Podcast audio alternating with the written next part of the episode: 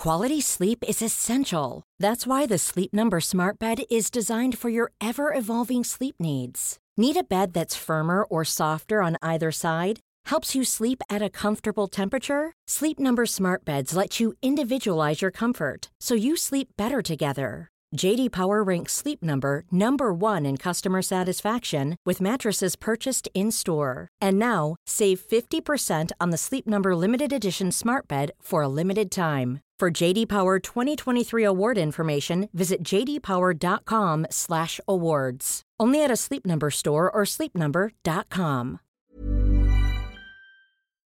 Då um, Rocky Movie kom ut, den här filmen. Jag tror den kom ut 76, men i alla fall 77 så gick jag in och tittade på, på, boxnings, eh, på den här filmen. Och jag kommer ihåg att jag satt och tittade på den, jag var, jag var helt, helt såld. Jag tänkte, fan, det här är ju helt otroligt. Det här, jag måste börja med boxning. Och sen så dröjde det kanske en vecka, jag tjatade på min mamma. Då bodde jag alltså ute i Åkersberga och från Åkersberga till, eh, till Stockholm, det var i alla fall 45 minuter. Plus tunnelbanan till Mariatorget, jag började då på Linnea. Hur gammal var du? Jag var 13 år. Mm. Så jag är 55 idag. Så um, jag kommer ihåg, jag satte mig på tåget till, um, till Linnea, så kom jag dit på en måndag och då satt jag måndag, tisdag, onsdag, ända fram till torsdag. Då var det en kille som kom fram och han hette Jorge Perez, han som var min tränare sen. Han kom inte, fan jag har suttit här en hel vecka, ska du inte börja träna? Och jag hade min väska med mig, men jag tordes inte. Jag, det var, jag behövde den där lilla pushen.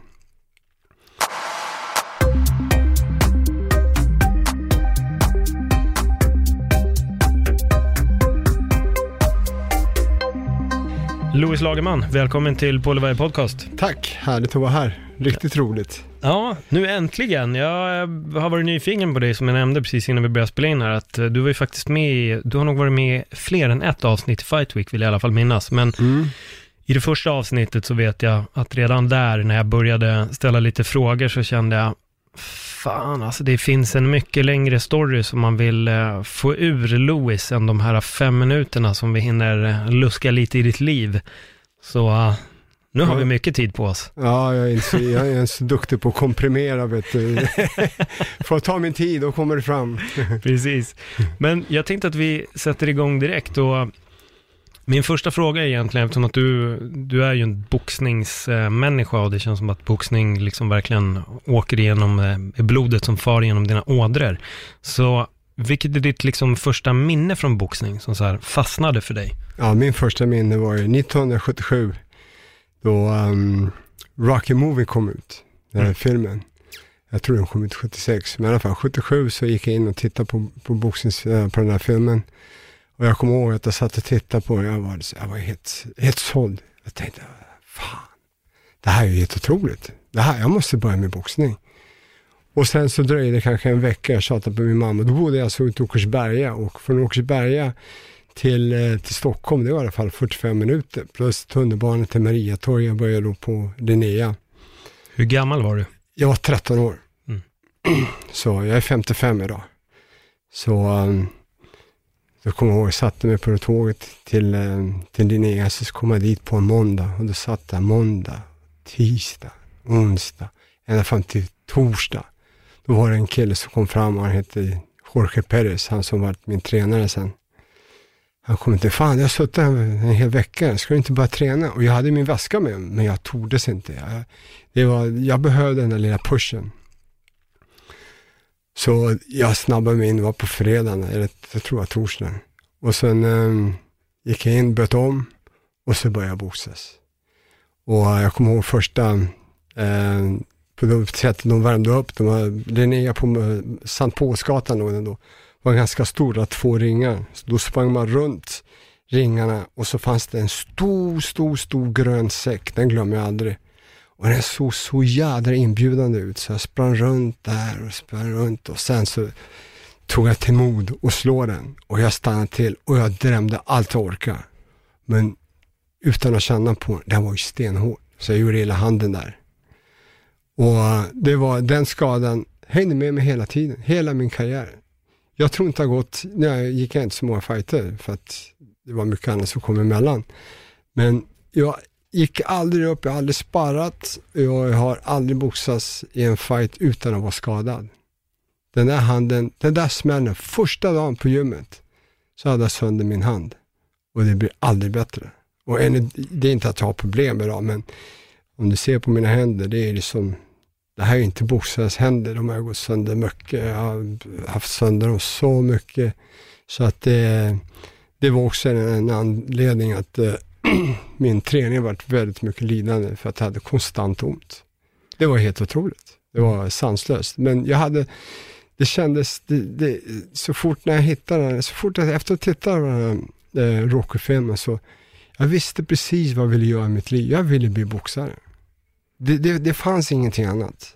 Hur kändes det att ha en sån tydlig målbild redan vid den tidiga åldern? Eh, till min mammas förskräckelse så var det ju, kändes ju kanske inte så bra, men redan så tidigt så hittade jag vad jag ville göra. Det, det fanns inte, eh, jag hade jättesvårt i skolan. Det, jag fick ju reda på, eller jag trodde efter många år att jag hade dyslexi. Men eh, så var jag faktiskt på, hos en psykolog inte så länge sedan, eh, det var kanske två, tre månader sedan. Så tänkte jag att det, det är någonting i min kropp som stoppar mig. Jag, som det, jag, jag visste inte vad det var. Och jag hade väldigt svårt i skolan. Så gick jag till psykolog och, och um, då satt vi där och sa jag tror jag hade dyslexi och så fick jag ställa, ställa några frågor, fick skriva ner massa grejer. Och, um, och då säger hon till mig att eh, du, um, jag är nästan säker på att du inte har dyslexi. Och då var det, oh, härligt. Jag trodde jag hade det. Mm. Och jag tänkte, menar du? Och jag, jag var helt ställd. Alltså, fan. Så då gick jag, i och med att jag har väldigt svårt att koncentrera mig och väldigt svårt att läsa och förstå framförallt vad jag läser, så gick jag in på YouTube. Hade jag haft YouTube när jag växte upp så hade det inte varit några problem. All information, precis all information får jag från YouTube. Eh, hur fixar man det? Ja, då går jag in på YouTube.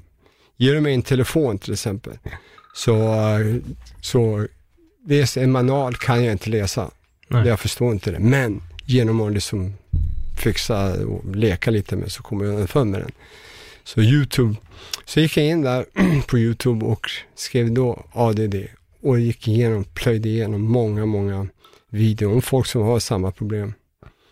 Och jag tänkte, satan, det där är ju jag alltså. Det, det är så, så mycket jag. Då, det, allting börjar bli så klart för mig varför det som jag har lite svårigheter. För det, det, det finns, jag, jag, är sådär, jag, jag gillar ju att, att, lära mig. Jag tittar på mycket boxning, mycket, mycket boxning.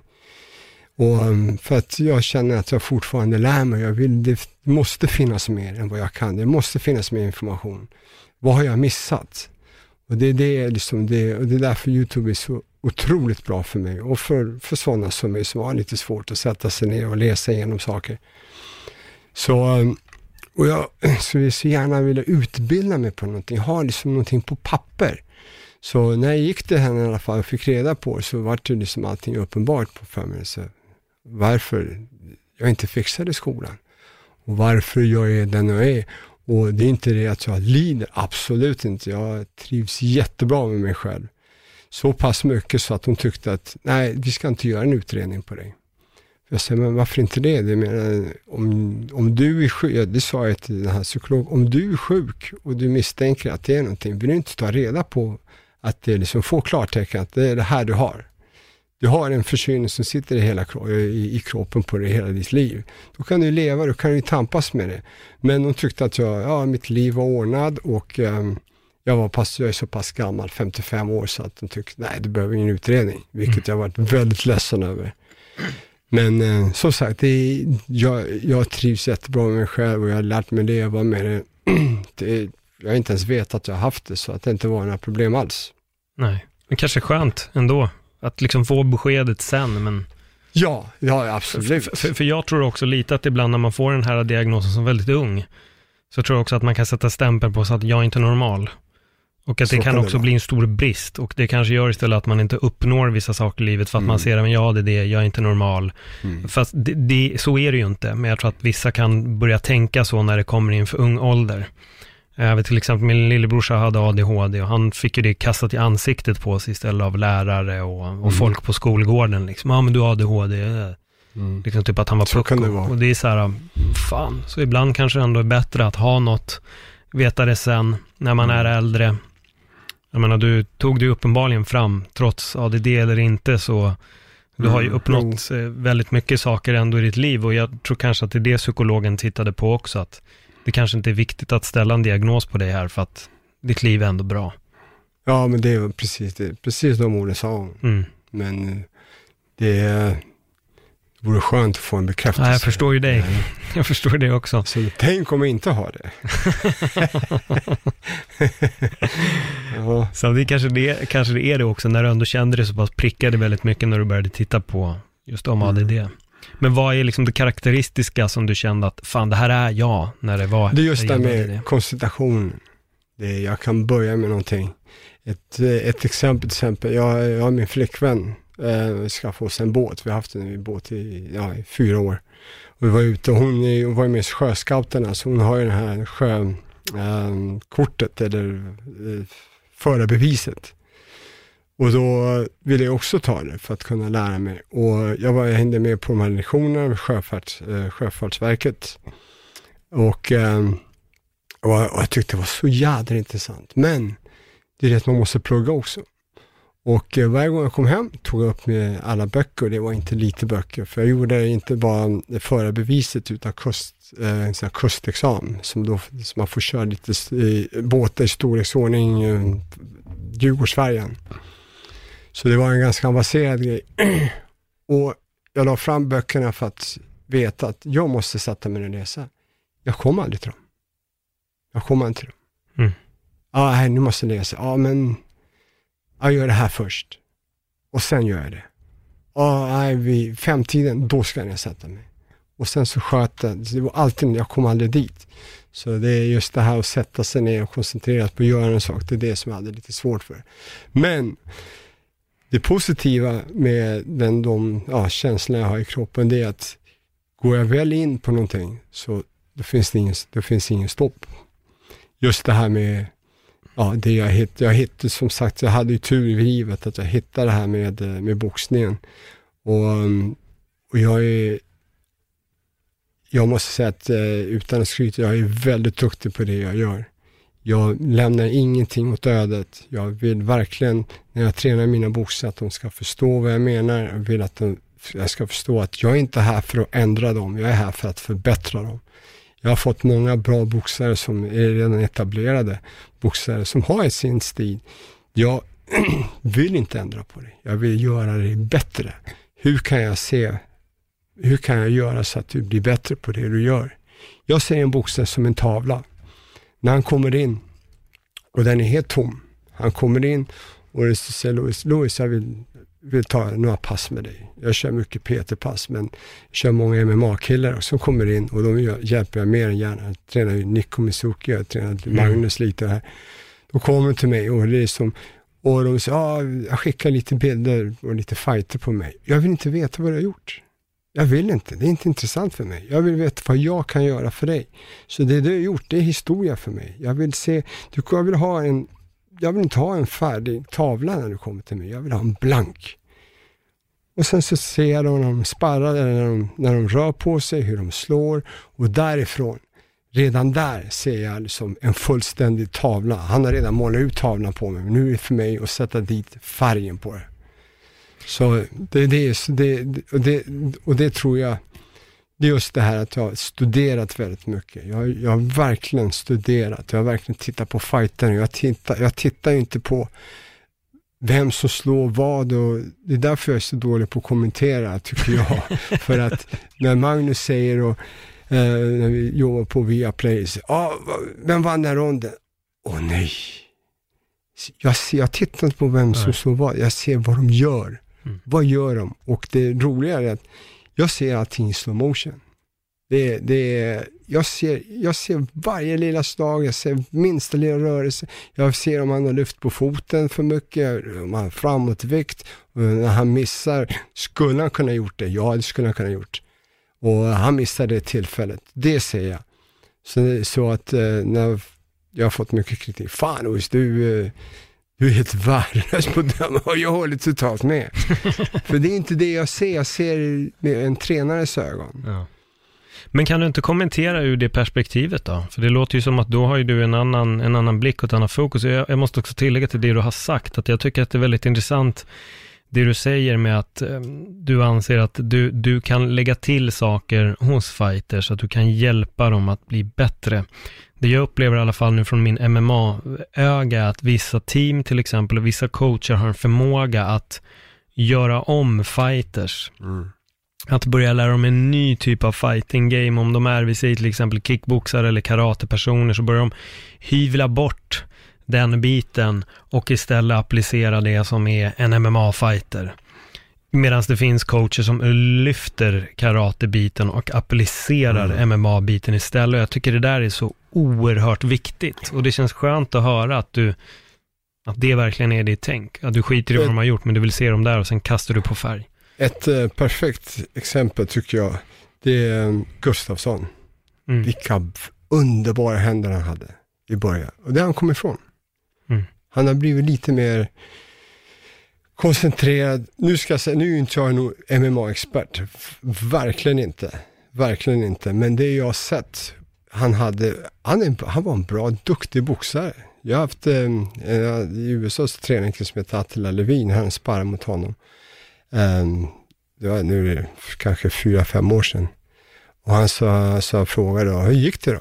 Nej, han har bra händer vet du. Han, har, han, han är duktig, han är tuff, han, är som, han slår hårt. Och um, det han, han har liksom kommit bort lite från det. Första eh, Jones-fighten såg jag då, vilka bra snabba händer han hade. Han träffade honom.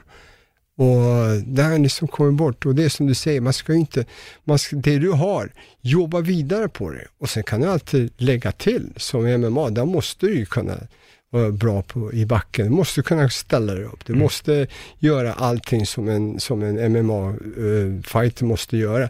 Men det du är bra på, ta inte bort det. Nej. Fortsätt med det.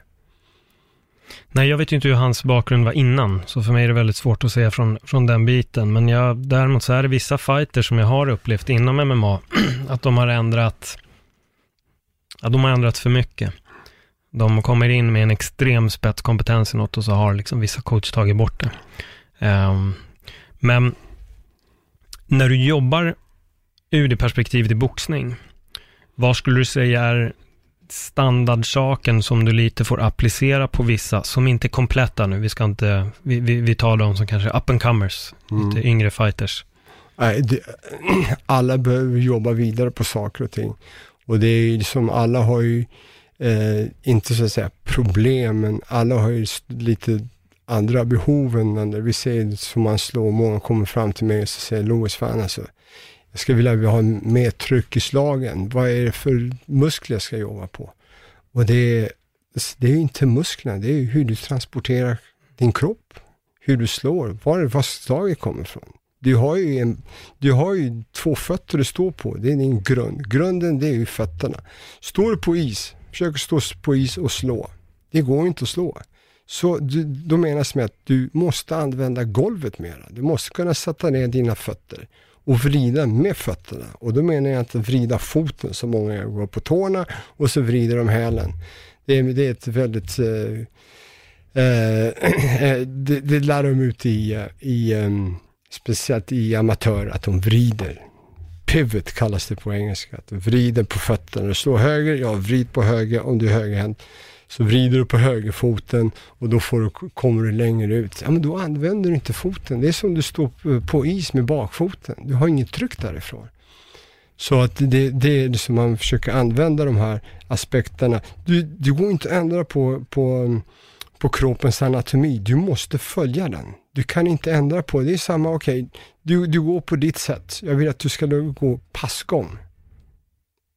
Och jag kan lära dig att gå passgång och du kan gå det. Men när du börjar bli trött och allting, då går du tillbaks till din gamla jag. Mm. Då går du tillbaks till din sätt, ditt sätt att gå. Det är samma med boxning. Du kan försöka ändra dem. Ja, jag kan ändra en kille till southpaw. Men när allting börjar brista, när, när, när, när du är trött där inne, och det vet ju alla fighters när de är där inne, när du är trött, då, då är det mycket som släpper koncentrationen, du har ingen ork och du liksom mentala biten börjar falla sönder då faller du tillbaks till dina bad habits, så att säga. Dina grejer som du, som du oftast gör. Är du, är du en, en dimensionell boxare som bara slår vänster och höger och helt plötsligt i början så står du mycket olika kombinationer. Helt plötsligt blir du trött, allting faller sönder. Då går du tillbaks till det som du är inlärd på och det är den här vänster-höger. Vänster-höger. Jag tycker att den första i varje, och även inte bara i boxning, i idrotten, den första, den viktigaste coachen i ditt liv, det är den första coachen, han som sätter grunden. Gör så här, efter din förmåga. Är du en lång boxare, det är också en annan grej, ja, du är lång, du ska inte boxas på insidan. Det är fel. Du kommer hamna på insidan, vad ska du göra då om du inte lär dig? Så att din, din första coach är han som sätter grunden. Han lär dig, försöker göra det så brett så att du får så mycket verktyg, verktyg i din, i din, i din um, verktygslåda. Och sen kan du inte använda en skiftnyckel till alla muttrar. Det, du kommer slinta och slå sönder den där eh, muttern. Du måste kunna lära dig vilka fasta nycklar passar till, till den muttern. Det är samma i, i boxning och i all idrott. Mm. Du måste lära dig att använda din, din verktygslåda på rätt sätt. Vad tror alla de här på-reglerna kommer ifrån? Typ som, ja ah, men du är lång så du, du ska inte slåss på insidan och så struntar man i att lära sig det och sen hamnar man där helt plötsligt lite ja. för sent i sin karriär och åker på superstryk istället. Ja, det är, det är ett typexempel. Det är ju eh, Klitsko-bröderna. Mm. De är, jag tror inte jag har sett dem slå en enda uppercut mot kroppen. Jag tror inte de har slagit mot kroppen alls. Men det är att de var så stora, så överlägsna i sin, i sin, eh, i sin fysik så att de har kunnat hålla de där killarna bakifrån, eller på utsidan. Så fort någon kommer in, ja, då håller de. Då håller de för att de vet inte vad de ska göra. Och genast där, då, har, då brister du då har du, har, du har det bara en dimensionellt sätt att boxa. Så det är på utsidan. Det är så mycket mer med, och inte bara med, med, eh, med boxning. Det tror jag gäller alla sporter. Du kan inte bara hålla dig på, på defensiven i fotboll. Du måste göra mål. Mm. Ja, det är samma som, you know, som i boxning. Du kan inte bara hålla den killen på utsidan. Nej, vad händer i tionde ronden när börjar tröttna och killen kommer in? Ska du hålla då? Men du kanske behöver boxa på inne för att vinna just den ronden. Den ronden kan vara över, över, över, avgörande. Nej, men jag kan inte så då håller jag. Ja, men då har du förlorat matchen på grund av det. Var det därför du jublade när Klitschko förlorade? Nej, jag ska inte säga, jag ska säga att uh, Anthony Joshua drog det bästa mm. utav uh, Klitschko. Jag var så imponerad av Klitschko. Ja, och, och det, det, är inte det att jag inte att jag ogillar personen Klitschko, tvärtom, vilken underbar, vilken ambassadör för boxning. Utan det är hans sätt att boxas som jag inte var en större fan utav.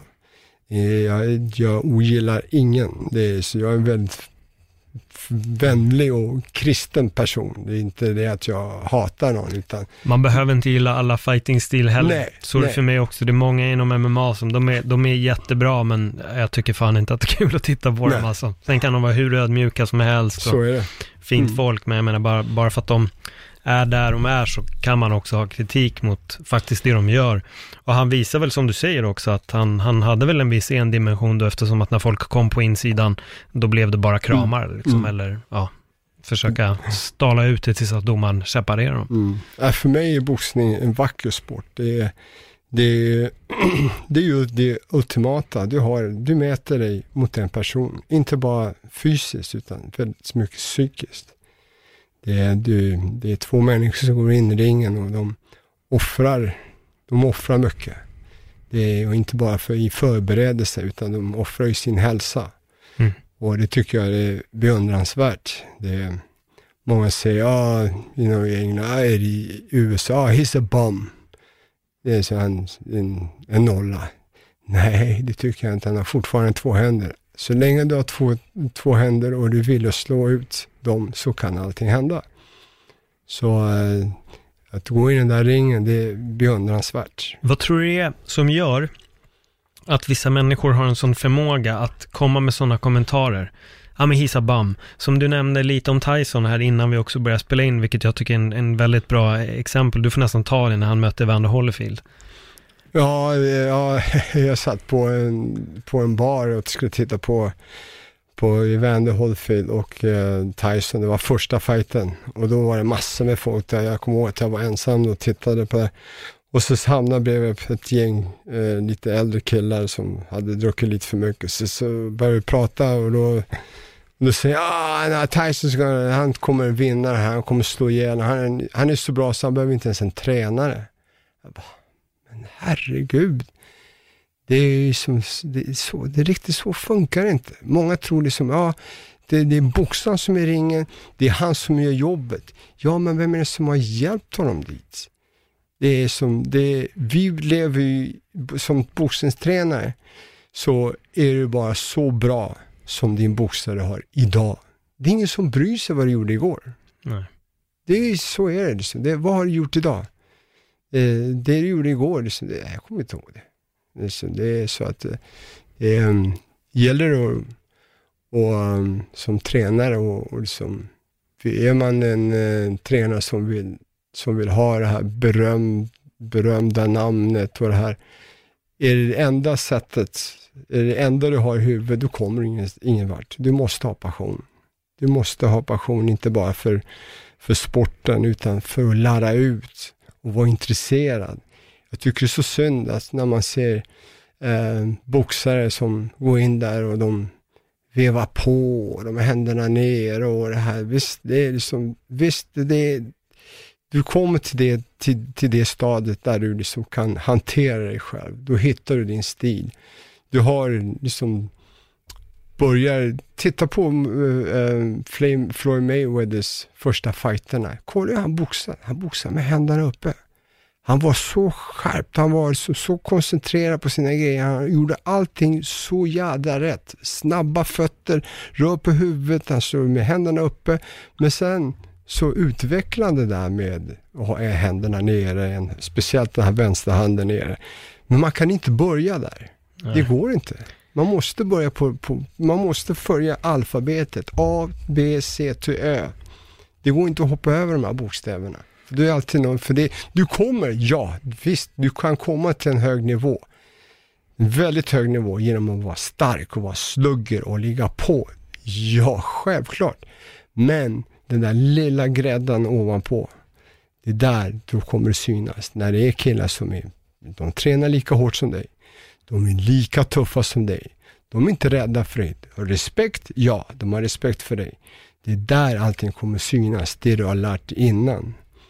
Inte, och sen så är det inte alltid, det är inte svårt att lära sig, fortsätta lära sig så länge man är intresserad. Det känns lite också som att det där är nog felet väldigt många unga fighters gör, både i boxning och MMA. Det är nog det att de har en idoliserad bild av en fighter, vilket är jättebra att ha, mm. men jag tror inte att de ska försöka liksom imitera just den fighten för tidigt i sin karriär, utan jag tror att det är väldigt viktigt att hitta sig själv och sen kan du börja applicera in de här sakerna som du tycker mm. att en annan fighter gör bra.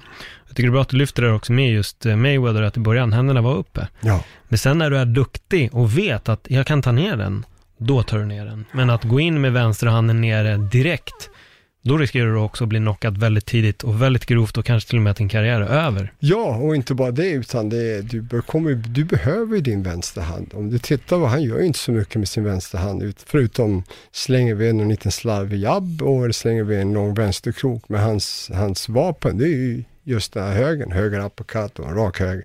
Det är hans vapen. Med en hand nere, då är du väldigt, du är väldigt begränsad.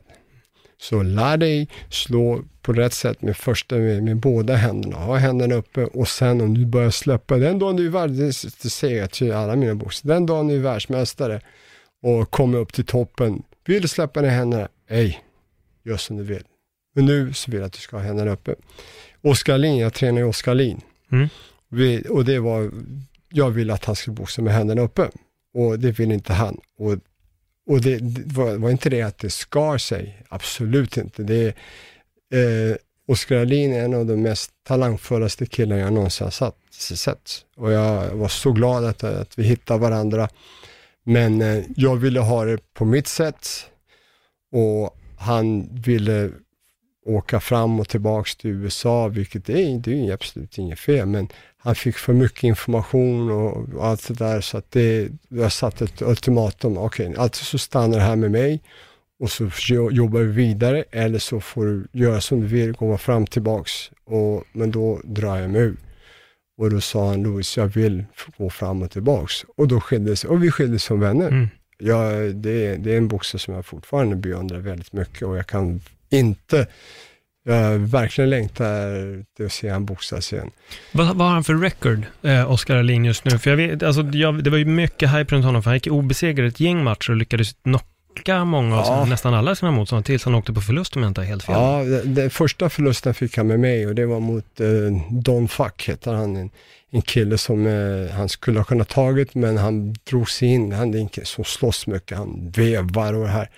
Och um, han, vi hade jobbat på just den här rörelsen och liksom inte försöka slå ut den utan bara vinna rond efter rond.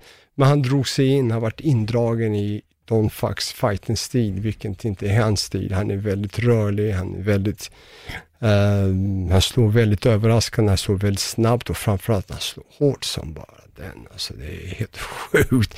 Och det är ju inte det att det är hårt, han slår väldigt snabbt. Snabbt blir oftast hårt. Det är det slaget du inte ser, det är det slaget som är mm. farligt. Mm. Jag menar, ser du en slag komma, kan du gå med slaget, rulla med slaget, så blir den inte så hård. Så att det är hans, han har en fruktansvärd blick. Fruktansvärd blick. Det var synd att vi inte, eh, det är en kille som jag verkligen eh, tror fortfarande på. Att han, han har inte gått match på ett tag nu va? Ja, han gick för, um, tror jag var en eller två månader sedan, stoppa sin kille. Mm. Men eh, han har, i motstånd så har han ju då gått tillbaka lite. Så han går inte uppåt som typ Sven Foling. Mm. Men han har ju haft, och jag förstår varför, han har ju haft lite för långa mellanbrott, så han måste börja någonstans. Men eh, jag hoppas att han, han får flyt, att han avancerar i, i, um, i, um, i, i motstånd. Och sen för Sven Foling då. Alltså vilken jädra, vilken kille, vilken kämpe. Vilken kämpe. Han är boxningsmässigt, teknikmässigt så är han är fortfarande väldigt mycket som fattas. Inte det att han inte kan jobba på, men det är väldigt, väldigt mycket som fattas fortfarande. Men det här drivet, det här viljan är helt fantastiskt. Mm. Så här ser jag på, bo, på boxning och ja, kanske i alla sport. Men det är tre aspekter du har, måste ha som boxare för att du ska gå ända fram. Du måste ha hjärna, du måste kunna tänka själv. Det, det är därför jag är mycket emot det här skoboxningen, uppdrag, uh, vad heter det? Eh, hon kallar det för uppdragssparring. Okej, okay, jag ska slå en vänster, du går till höger och du slår en höger. Eller till vänster och slår en höger. Och så ska de köra i tre minuter. Oh, och sen, då byter du, en annan slår vänster. Du kan inte, det är att programmera. En människa kan inte programmera, utan den måste du utveckla. Så du måste ha en hjärna som kan fungera. Du måste kunna se saker, du måste kunna förutse saker. Vad som kan komma efter en höger till exempel. Vanligtvis är det vänster. Och sen måste du kunna liksom föra vidare på kontra. Du måste, du måste ha en bra, en, en smart boxare. Så, så, du måste ha hjärna. Och sen måste du ha hjärta. Du måste ha hjärta, du måste våga. Du måste våga attackera. Du måste våga försöka göra nya saker. Du måste våga förnya, sig, förnya dig. Du måste våga göra allting för att kunna bli bättre och vinna varje rond. Det är ju så, man, man, man kan inte räkna med att man ska sluta, utan man måste vinna rond för rond. Knockout, det är alltid en plus i kanten, men en vinst, det är fortfarande en vinst. Och sen måste du ha någonting mellan benen. Du måste, som vi säger latinska den, du måste ha lite cojones mm. och inte så lite. Så när allting inte funkar, då måste du ha det här tredje.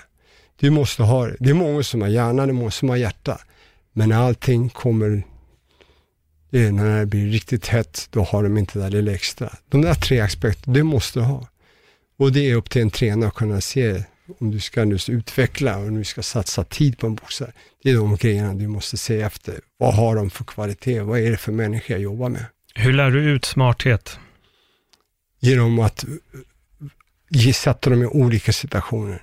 När jag jobbar med mitt så jobbar jag ofta så att jag kör olika kombinationer, jag kör i volym, mycket volym, mycket volym, så att det sitter in, inbitet i kroppen. Alltså du ska kunna somna, vakna och kunna utföra det utan ens behöva tänka det.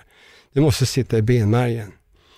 Och sen så måste du ju då, och sen får man ju, och det är ju kondition, förbättring och teknik, det växer ju med mental träning. Ju mer du tränar, ju mer säker blir du på dig själv och, i, och därifrån, därifrån tycker jag, har jag sett mycket att då får du med den mentala biten med dig. För du vet att du kan göra saker och ting.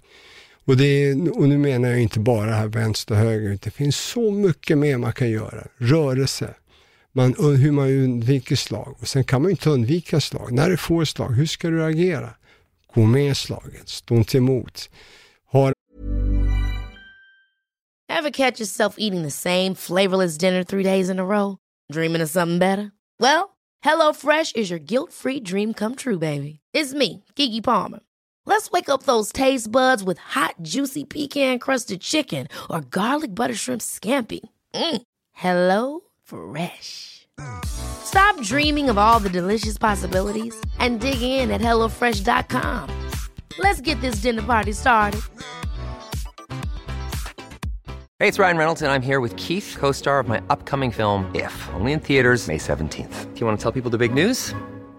All right, I'll do it. Sign up now and you'll get unlimited for $15 a month in six months of Paramount Plus Essential Plan on us. Mintmobile.com slash switch. Upfront payment of $45 equivalent to $15 per month. Unlimited over 40 gigabytes per month. Face lower speeds. Videos at 480p. Active Mint customers by 531.24 get six months of Paramount Plus Essential Plan. Auto renews after six months. Offer ends May 31st, 2024. Separate Paramount Plus registration required. Terms and conditions apply if rated PG. Det här alltså, den lilla skaman eh, position som många sätter upp och sätter upp händerna och så låter de oss slå på dem och utan att röra på huvudet. Det är ju helt vanskligt. Det är helt sjukt. Ja, det blir ju många små slag som ackumuleras när man gör det. Jag kan också bli lite fascinerad över det där, för det må träffa handskar, men 200 sådana träffar är till slut en jävligt stor smäll. Det är impact. Ja. Wilder mötte uh, den här uh, amerikanska för, från Haiti, vad jag heter, ja i alla fall. Han drog en höger som träffade på handsken och sänkte honom. Mm. Men det är fortfarande en impact. Och tänk dig så här, du har en säck och du slår allt du har på säcken. Är du i en bra form, du, du klarar sex ronder. Om du slår allt du har. Mm. Slå lika hårt och du inte har någon säck framför dig. Det är fysiskt omöjligt. Det går inte, för du har inget fäste. Varför ge den personen en, en, liksom, en fördel genom att slå och det är någonting som stoppar det och sen så följer du efter med andra slaget och får någonting som stoppar. Det gör han en tjänst. Låt han missa. Ducka ska du se. Oftast går han lite för långt och det ger dig möjlighet att göra saker och ting. Vem, vem rullar bäst med slagen i boxning enligt dig? Eller rullade bäst till och med. Det behöver inte vara mm. rullar nu, utan rullade bäst. Ja, oh, men det, vad heter han? Alltså det, ja och namn, det, det fanns en, finns en kille som heter, oh my god, han är så jävla... Uh, Berätta vad han gjorde så kanske namnet kommer. Ja, han, han förlorade mot eh, Jones. Han var alltså supermellanviktare. Sen gick han upp till tumvikt och han eh, boxades mot alla. Uh, uh, det står ju still. Men han var en kille som rullade med alla, alla slag. Det var så omöjligt att få fäste på honom. Visst, visst vi, han tog emot otroligt mycket, men det, det, så det var helt fantastiskt vad han gjorde. Och sen så, det, det finns många boxare, så, fort, så fort man ställer en sån här fråga så, så jag är likadan. Namnen ja, för man har, den är där och så fort man har stängt av så bara, ja men vad fan, det var ju så här. så han hette. Men för jag vet att för en för mig inom MMA som har rullat otroligt med slagen, det är Anderson Silva. Han har en ruskig förmåga att rulla mm. med slagen. Jag tyckte att de hade en väldigt cool träning med honom. Där laget stod och kastade tennisbollar. Mm. mot honom på en viss distans och det enda han skulle göra var bara att förflytta sig, bara Det har förflytta jag huvudet. sett. Det har Ja. jag sett många göra. Och jag tänkte, fan det är, det är så smart. Mm. Det är som briljant träning, att det bara flyger tennisbollar hela tiden mot honom och så ska han bara se till att ducka från dem. Sen har Jag ju han det. verkligen brasilianska liksom, eh, fysiska rytmer, rent musikaliska i sin Mm. kropp också, vilket jag tror gör väldigt, väldigt mycket. Och det blir lite det här att om vi kollar till exempel, vi svenskar, vi är ibland väldigt dåliga på att ha den här äh, sköna dansanta rörelsen. Eh, har du något knep när du vill få dina fighters att få ett bättre fotarbete? Använder du utav musik på något vänster och får dem att dansa? Du gör det? Ja, ja. Mm, intressant. Det, ja, det men du vet, om jag får in en ny kille, säger en, en bra amatör, jag kan se om han kan dansa eller inte, genom att se han, hur han rör sig i ringen. Mm. Så du, uh, ser han lite, så- du, uh, brukar dansa? Nej, för fan, jag är inte värdelös. Eh, det, jag behöver jag hade inte behövt säga, det ser jag på en gång. Just det här rytmen, det här rytmen. Oskar Alin, jag har sett han, inte dansa på dansgolvet, men jag har sett han dansa, han älskar ju salsa. Mm. Han har nästan uppenbarligen lite salsa. Och han rör sig, vet du. Han rör sig, man ser ju det, vet du. Man ser man, man kan, jag kan se på hur de ska boxas, hur de dansar. Eller att de kan dansa, det har rytm i kroppen. För vet, boxning det är ju väldigt, det är rytm, rytm och timing. Mm. Men gå en, om du har en pendel som går fram och tillbaks, den kan du ju liksom styra. Men blir det hackigt, då oftast är du i balans och du kan inte styra dig själv. Nej, jag kan verkligen tänka, för många, jag vet att många jobbar med just musik, att hitta dans, Mm. att kunna dansa och jag tycker att man ser verkligen, som du säger, det är lätt att se på en fighter, även om de är svinduktiga så ser man att han funkar på dansgolvet Mm. också. Ja, ja. Den här gör inte riktigt det. Det, det, det är någonting med, med höfter och, och allt. Jag tror att vissa skulle nog behöva implementera dans och sånt. Mm. Jag tror bara att ibland tror jag det kan vara lite knepigt för vissa fighters att så förstå vidden av att, vänta vadå, måste jag gå och dansa också? Vet du att Holyfield, han dansar ju balett. Gör han? Jo, men Ja. jag tycker jag känner igen något om Mm. det där. Ja. Han, han gick på mycket, körde mycket balett och mycket yoga. Mm. Och titta vad han gjorde med de här killarna. Det, var, det var ingen stor tungviktare precis. Nej. Han såg, han var ju kraftigt byggd men eh, han hade en skön känsla. Mm. Jag tror att folk underskattar att våga se utanför för boxen. Vad använder du för metoder som är utanför liksom boxningsboxen? Som du implementerar i, i din egen träning för dina atleter? Ja, jag, det är ju så här, jag, jag, jag tittar oftast inte på vad andra gör. Visst, visst, visst gör jag det, att jag studerar ju andra tränare de gör, men jag har mitt sätt att se saker på ting och saker och ting på. och, och jag försöker bygga på det jag tror funkar för allmänheten. Och sen måste man ju alltid ändra på det. det är liksom, ingen boxare är sig lik, ingen människa är sig lik. Alla har vi våra brister, alla har vi våra våra saker som är, som är, som är bra, men gör vi, vi gör fortfarande saker och ting på olika sätt. Så att eh, det beror alldeles på individen. Jag har, jag har ju två fantastiska boxare nu. Jag har en som heter Konstantino Nanga. Han kommer från Muay Thai. Och det roliga med honom är att vi, vi sågs för, ja, det är nästan fyra och ett halvt år. Jag hade precis kommit hem från USA 2013 efter att ha varit där 20 år hade precis kommit hem och tog en, eh, gav en, en boxningslektion på ett, eh, Stockholms Muay Thai, Thomas Rasmussens gym. Och, och, jag, och jag såg på honom, den långa, smala, svarta killen. och sa, Jädrar vilka fina händer. Och då var han, vad var han, 17 år, 16. Så jag gick fram till honom och sa, du, fan alltså den dagen du slutar med det här, börja med boxning, ring mig du kan bli hur bra som helst. Och han bara ah, skrattade, ja, men jag älskar boxning, det gör jag, men jag börjar med det här, jag vill ge det här en chans. Och sju månader sedan, och då har jag hela tiden haft kontakt med varandra. Vi har setts på stan och säger hej och vi har skämtat fram och tillbaka, ja, när jag ska komma till boxningen. Liksom. Och så ringde han med Louis, ja, jag är klar med boxning, vill du fortfarande träna mig? Så, Hell yeah, kom ner. Och nu har vi kört nu i, ja, nästan åtta månader. Som från inte boxas någonting, så gick han, och, gick han tre matcher, boxningsfighter, var han stoppade två. Och sen så gick vi direkt till SM, för eh, eh, nu, numera får ju Muay Thai fighters ta med sitt, börja en boxning, förut fick de inte boxas. Men de, har de 30 fighter i amatör, eller i, i, i thai så får de ta med sig det record in till boxning. Så att då är de då är de och öppna, då är boxas de i en högre nivå, A-boxar tror jag de heter. Ja, så ställde vi upp då på, um, på SM och han gick till final. Han stoppade sin kille, första killen och så gick han till final. Och tyvärr så fick han domstol, domslutet mot sig. Ja, jag tyckte han vann. Jag tyckte han vann. Hur många ronder var det i finalen? Det är tre, tre ronder. Och minuterna är typ två eller tre minuter? Ja, det tre fem? minuter. Det är tre minuter. Det är tre, ja. Så, För det är inte proffs, det var, du sa att det var amatörer? Ja, han är fortfarande amatör. Ja, just, just han är bara jag var bara- 22 år, vet du. Okej, Så okej. att eh, anledningen att han vill att han, han, han vill bli proffs, men jag vill att han ska lära sig det här tänkande. Han har fortfarande, ibland så syns det igenom, det som jag tagit, tagit, tidigare, det, det ibland så syns det här, han går tillbaks till det här muay thai-stilen, hålla upp händerna och, liksom, och stå och vänta och ta emot slagen och hoppas på det bästa.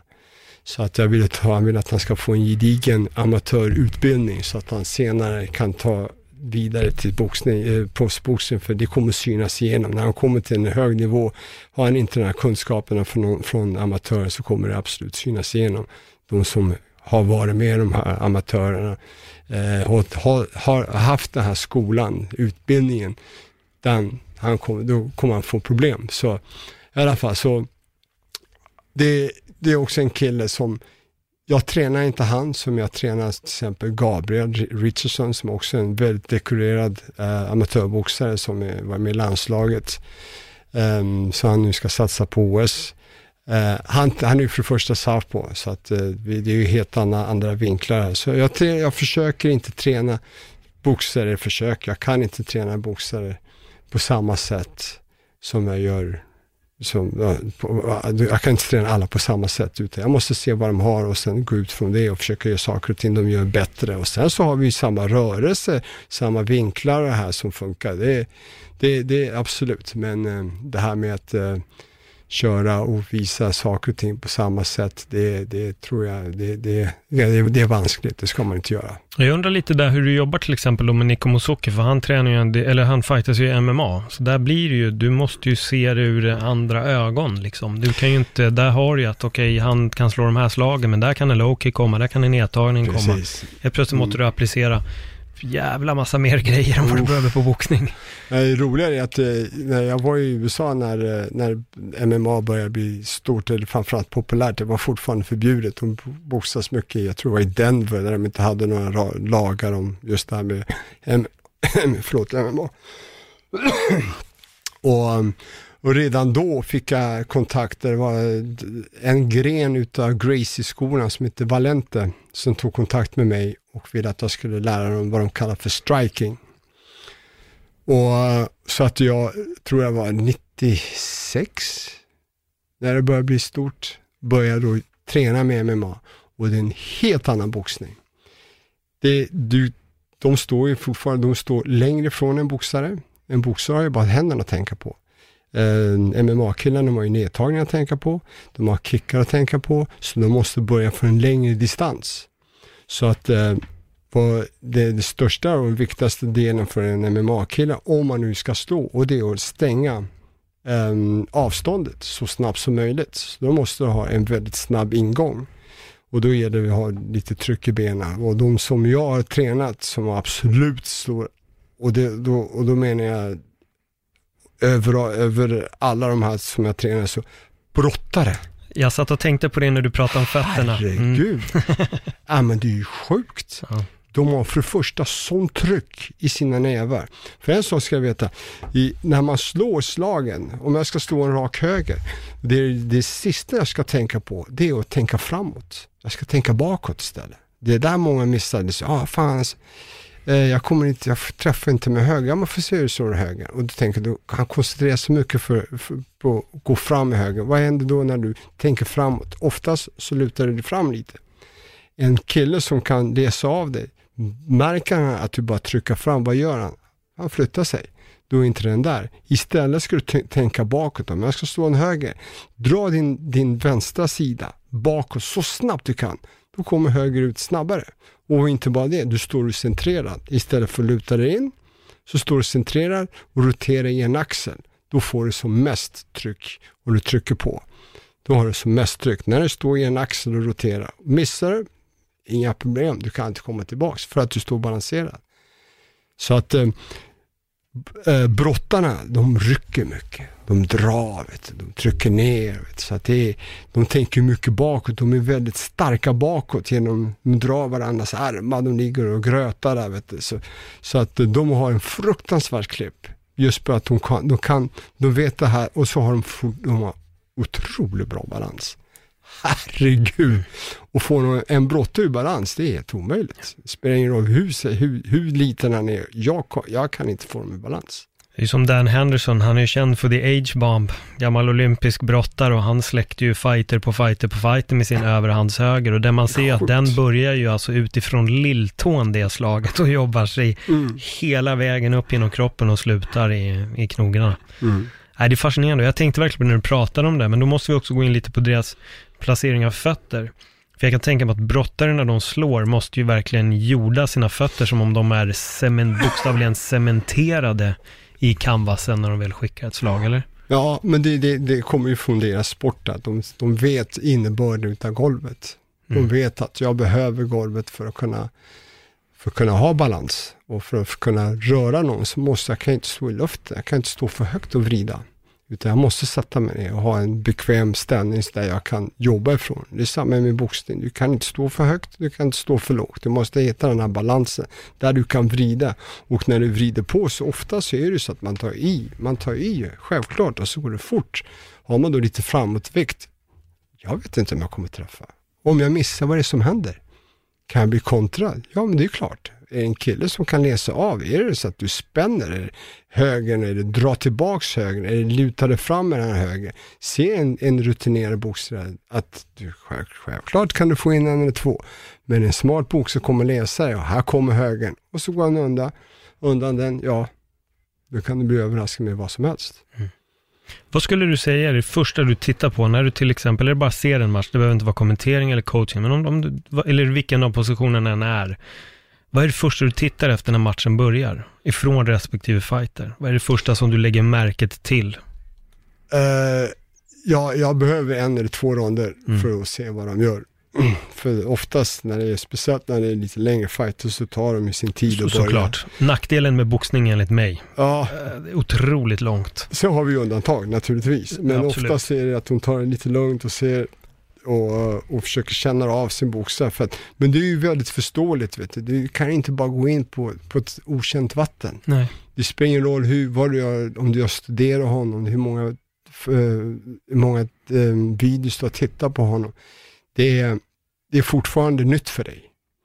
Och uh, varje motståndare är ju som en, en bra matchmaker, han ska ju liksom sätta dig i olika positioner där du kan bli bättre och då måste du kunna boxas mot en southpaw. Det är därför det där amatörboxning kommer. Det finns ju många southpaws i amatören så att de får sin utbildning därifrån. Du måste sätta mot en southpaw, du måste sätta mot en slugger, du måste sätta mot en kille som kan boxa, som ska röra på sig, undgå slaget. Du måste lära, lära sig boxa. Så det är där man lär sig de här eh, fighterna. Så att fyra ronders fighter, det har jag aldrig riktigt varit en stor fan för, för att det går för fort och det är svårt att iaktta eh, iaktta vad de egentligen kan göra. En längre fight, där ser man hur de bygger upp. Hur det som, och där ser man ju på de här, start, de här smarta fighter hur de gör. Och man, det, vet, det är som en historieberättelse när man tittar på en tio så att de har en, eh, ett förord. Här, ja, den här boken handlar om det här. Och så, så har det ett mitten som kan vara riktigt spännande. Och sen väntar man på det här avslutet. Hur ska det sluta? Vad har han, vad har han gjort? Vad, vem är det som har studerat den andra bättre? Vem är det som har förberett sig bättre? I samband med de här rematchen, vet du. ja, de fightas en gång och så fightas de en gång till. Ofta så blir det ju samma bok, vet du. Mm. Du läser samma bok om och om igen. Så vad skulle du säga är, om du får ta fram två detaljer som du söker efter i en, i en boxningsmatch? Vi säger så här, du står i ringen, du coachar, matchen börjar, vad tittar du efter i motståndaren? Så att du kan guida din fighter i första rondvilan. Jag tittar väldigt lite på min boxare. Mm. Jag förväntar sig att han vet vad han ska göra. Jag förväntar sig att han vet att han, hur han ska slå, hur, vad, vad, jag, vad jag jobbar just för det här. Jag tittar på det andra motståndaren, vad han gjort förändringar. Har han gjort några förändringar? Vad är det som gör, vad gör han när han slår? Vad gör, hur, hur avslutar han? Oftast har vi våra favoritslag som vi avslutar med. Gör han det, för, gör han det ofta? Hur rör han på sig? Står han mycket framför mig? Och hur kommer han in? Vad har han för ingångar? You know, så det, jag, jag vill ju förbereda min boxare för, eh, inte för, jag försöker inte tänka, få honom att tänka på vad den andra gör, utan jag vill koncentrera på vad han kan göra. Och sen ska, ska man ju ja, det sällan jag säger akta dig för det, akta dig för det, för då blir det en liten spärr i huvudet. Då börjar de titta på det, okej vänta, om min tränare ser det där, då är det farligt. Så att jag behöver, jag, jag behöver inte koncentrera mig för mycket vad den andra gör, utan jag vill koncentrera vad vi kan göra för att vinna den just nästa rond. Och eh, vad gör han efter sin vänster? Och det förväntar jag också min, min boxare att se. När han slår vänster, kommer han tillbaka snabbt med, med, sin vänster? Eller sänker han ner den innan han kommer upp? Ja, men ta tillvara på det. Han kommer med en vänster, slänger ner handen och så kommer han upp med garden och säger, hej, ta den där vänstern. Låt han träffa två gånger med den här vänster. Sen så kontrar med högern för han droppar den. Han sänker ner. Så det är sådana grejer jag tittar på vad, vad de kan göra. Och sen så Sen är det ju så, det, utav fem instruktioner inom en fight, man ska inte ge för mycket tycker jag, så är det kanske en som fastnar. Sen är det ju mycket upp till dem. Det är, det är, jag har märkt att det, det, det, visst har det funkat många gånger, det jag har sagt, och det har gått uppfyllelse och det, ingen blir lyckligare än jag. För då har han liksom litat på mig och han har förstått vad jag menat och han eh, gjorde det. Men ofta så, så är de så inne i sig själva. Du vet, boxning, det är ju 90% mentalt. Mm. Det, det är som du, du har en människa framför dig som, eh, nu kan det hända, låter det ganska hemskt, men han vill, han vill göra det illa och han vill göra det riktigt illa. Det är det måste jag också tänka på. Så att eh, han, han kör det som han känner i det, det tillfället, det som funkar, det som funkar för honom. Och skulle jag komma liksom out of the box och säga någonting annat, känna sig bekväm med det, litar han på mig och, och framförallt att han ser det, då kanske han gör det. Annars så fortsätter han det som han började med och försöker liksom förbättra hela tiden. Det är jättesvårt att ta information i den där hörnan. För det är någonting jag ibland uppmärksammar eller reagerar på, det är när vissa sekunder ger på tok för mycket information. Och lite det du säger också, det här med att se upp för det här, se upp för det, se upp för det, se upp för det. Det känns som att då man applicerar också på något sätt istället din egen fighters, eh, vad ska, vad ska, hans instinkt att istället börja försvara sig istället för mm. att gå till attack väcks genom att varna om för många saker. Sen ska man absolut kunna varna, men jag tror att det finns en det finns nog en magisk siffra där som är så här, så här många varningar får du mm. ge för vad de ska se upp för. Sen tror jag att du börjar applicera om ett annat tänk i din egen fighter och jag tycker vissa sekunder är superstressade. Mm. Slänger ut en, en, liksom som en AK5 av information som bara brrrt, mm. och så säger okej, okay, inte ens jag så sitter här med sunt, sunt härligt tänk liksom och inte har blivit kaffe. slagen. Exakt, inte ens jag fattade så här, mm. vad fan vill du att din fighter ska göra? Um, och det är egentligen väldigt, ganska få måste jag säga, coacher som är lugna, mm. sansade, förklara lugnt. Kan, visst, folk kan vara lite mer stressade och exalterade, men att få ut liksom den, mm. den viktiga essensen. Men jag tror att vissa, det är bara för mycket. Det blir för mycket. Och... Nej, det, det är kort och, och, liksom, och framförallt så vill jag, för det första när de kommer in så är de lite andfådda, lite trötta, jag vill att de ska återhämta sig, andas så de kan koncentrera sig. Det är väldigt svårt att koncentrera sig när man är andfådd och försöker ta sin andning och få igång, genom, få ner hjärtslagen. Så att jag försöker få dem att lugna ner sig och sen ger jag bara små korta. Det behövs inte så mycket. Det Nej. behövs inte, för som sagt, är, han har ju förberett sig länge för den här fighten, ja, förmodligen flera år just för just den fight nu, nu pratar jag inte om just fight, men varje fight, det är ingen som börjar och sen dagen efter börjar boxas, utan de börjar träna och så att de har ju fått en träning för att kunna boxas. Och då får man lita på sig på att man gjort ett bra jobb redan från början. Och sen så ger de lite stöd. Mm. Och ger dem för mycket varningar. Jag vill, inte, jag vill inte att min boxare ska gå in med en rädsla för just den där högersvingen. Utan jag har en farlig högersving, så då säger jag, när han kommer med högersving, kontra. Ta den och kontra. Eller gå under och kontra. Det är inte så, men passar för den här högsvingen. Det är ju istället så, ta emot den. Välkomna den, för den är lång. Och du, du har möjligheter därifrån. Så man ska försöka, och sen så är det som du sa, man ska ge ett lugnt intryck att nej, det är inte så farligt. Uh, du har en stor jävla katt i, i huvudet som... Uh, Som Badou Badou Det är inte så farligt. För du vill ju inte, åh, nej, det, nej, det är stort, det är stort, det, det vill du inte göra, för då var det oh, det shit. Men jag måste säga att jag var med i en riktig mardröm här. Jag, jag har min flickvän som, som har tränat ganska länge med mig. Hon är tekniskt otroligt begåvad. Det, hon är helt fantastisk. Och, um, och så har hon sagt, ah, jag vill boxas, jag vill boxas. Jag bara, nej, nej, nej, nej, nej, jag ska inte boxas. Så en väldigt bildad flick, eh, tjej sa att det här är ingenting för dig. Liksom. Och det är mentalt, hon är ju väldigt stark mentalt, men i boxning, det är ju boxning. Så jag sa, nej, nej, nej.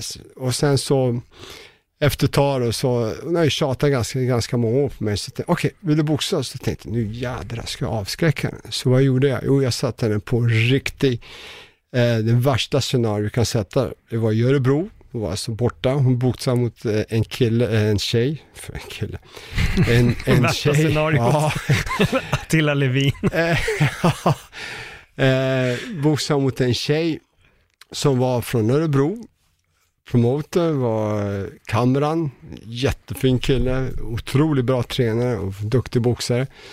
Uh, mot hans tjej, så det var alltså promotorns tjej på bortaplan, tre uh, domare från Örebro.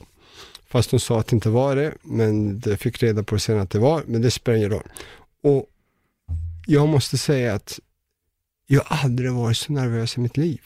Det var liksom för nära, det var liksom för nära inpå. Min flickvän, en, en människa som jag älskar otroligt mycket, ska in och slåss varje slag som, som, som hon tog, vilket inte var så mycket och framförallt var det inte så hårt, för hon kan röra sig på sig den här tjejen. Det gjorde ont.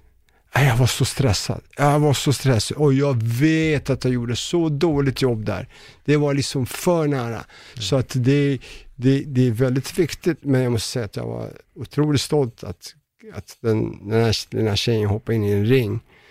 Vilket det är, för det första många pojk, det är en pojkdröm. Det är, vi alla har det här lilla krigare i oss och vi ska bevisa att vi är bättre än andra. Jag, vi börjar redan i ung, äh, ung ålder. Min pappa är bättre än din pappa.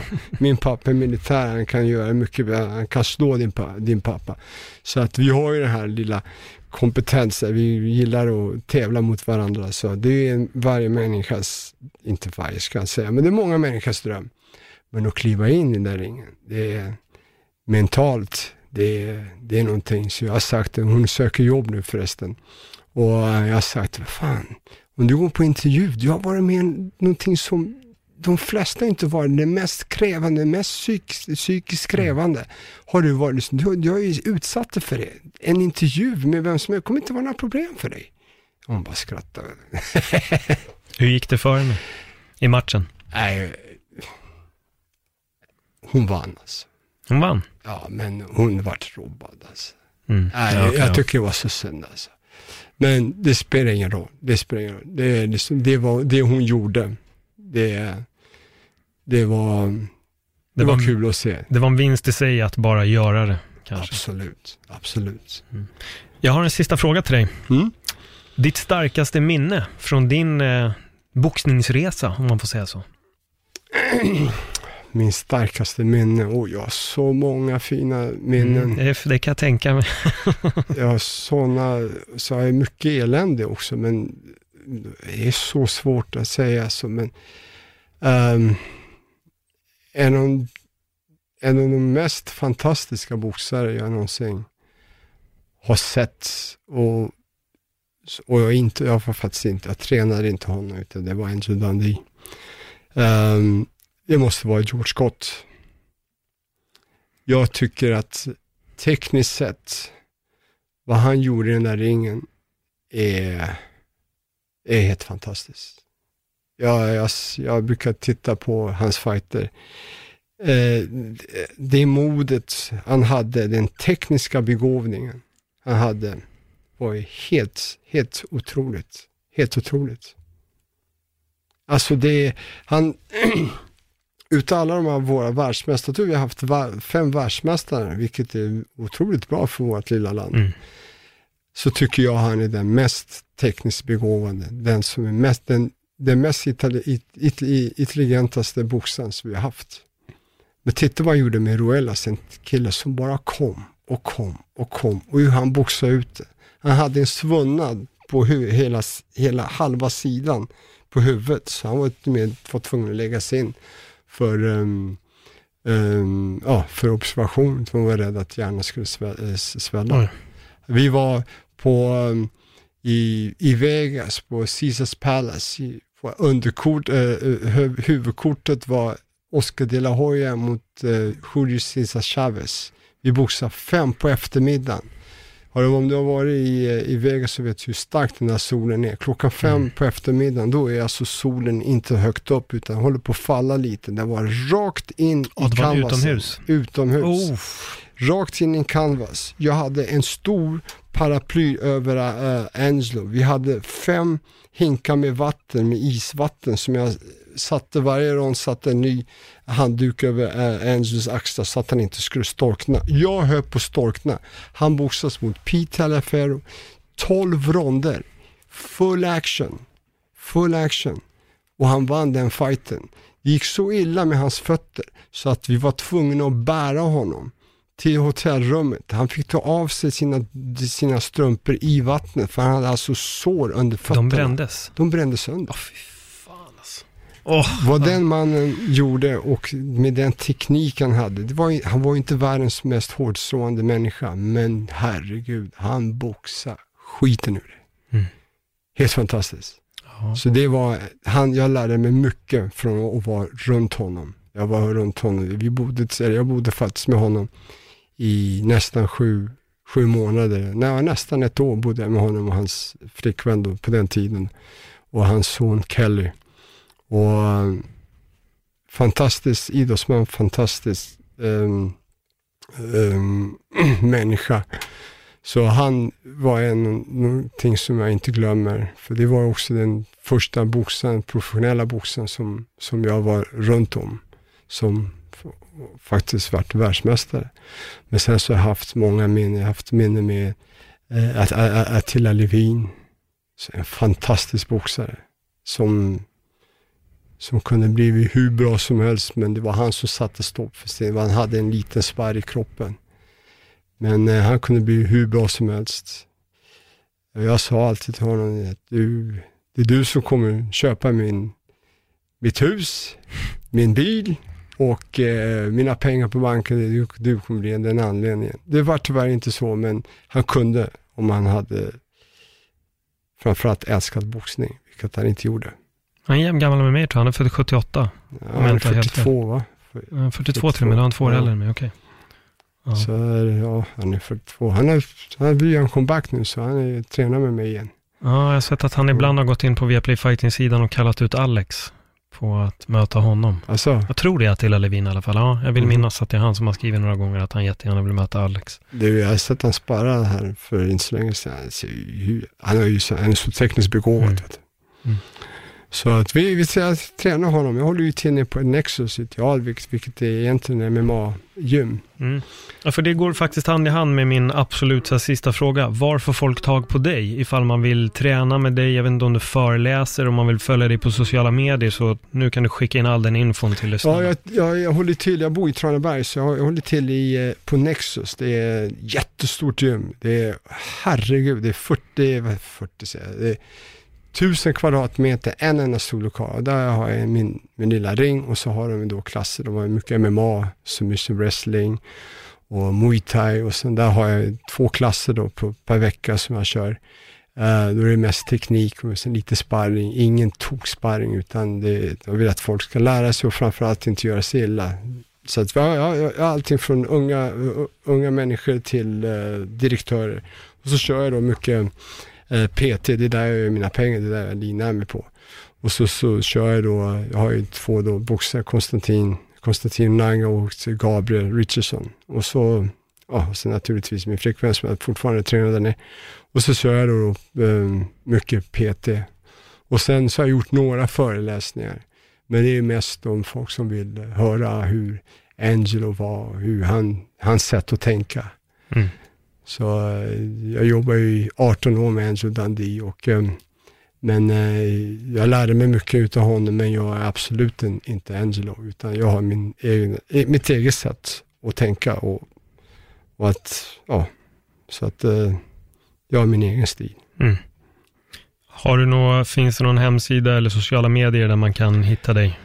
Ja, jag har Instagram, Lo Lagerman, och sen så har jag då Facebook, Louis Lagerman. Ja. Kanon. Du, jag känner att vi, det finns nog en, podd, en framtida podd med minnen bara. Eh, däremot så känner jag att det var, jag vågade inte riktigt gå in på det, för jag tycker vi hade ett så bra samtal om just boxning och fighting. Så jag tror att du och jag ska nog sätta oss inom en eh, inte jättelång eh, framtid härifrån, så får vi sätta oss igen och verkligen gräva i eh, minnena. Det, Och allting de är som många. gjort. Ja, jo, det vet jag. Jag känner att det är en fem timmars podd. Ja. Men vi får nöja oss eh, för nu den här gången i alla fall. Mm. Louis Lagerman, jättetack för ett... Tack, eh, för, för, tack för att du fick komma, det skitroligt, Ja, verkligen. ja, men det är kul och tack för ett bra samtal för att du verkligen delar med dig och går in på, ja, men på djupet på saker. Och det är alltid roligt när man har, får sitta med folk som verkligen har jobbat med någonting och är, liksom, sitter med en väldig kompetens och en väldigt professionalism i det du gör. Och jag gillar din kommentering, även om du tycker inte om den, så jag gillar den. jag tycker det är bra. Det är alltid kul att springa på dig och Dalborn på, på natten Ja, vi växla några ord lite. Ja. innan liksom, nu börjar vi, så får man gå till varsin box. Men återigen, supertack. Och eh, till alla er som lyssnar, eh, om ni vill få tag på Louis, så antingen Nexus eller Facebook kanske är enklast om de vill skriva till det och eventuellt boka Peterpass. Så återigen, supertack för den här gången. Tack för att du komma. Tack. Hej då. Hej.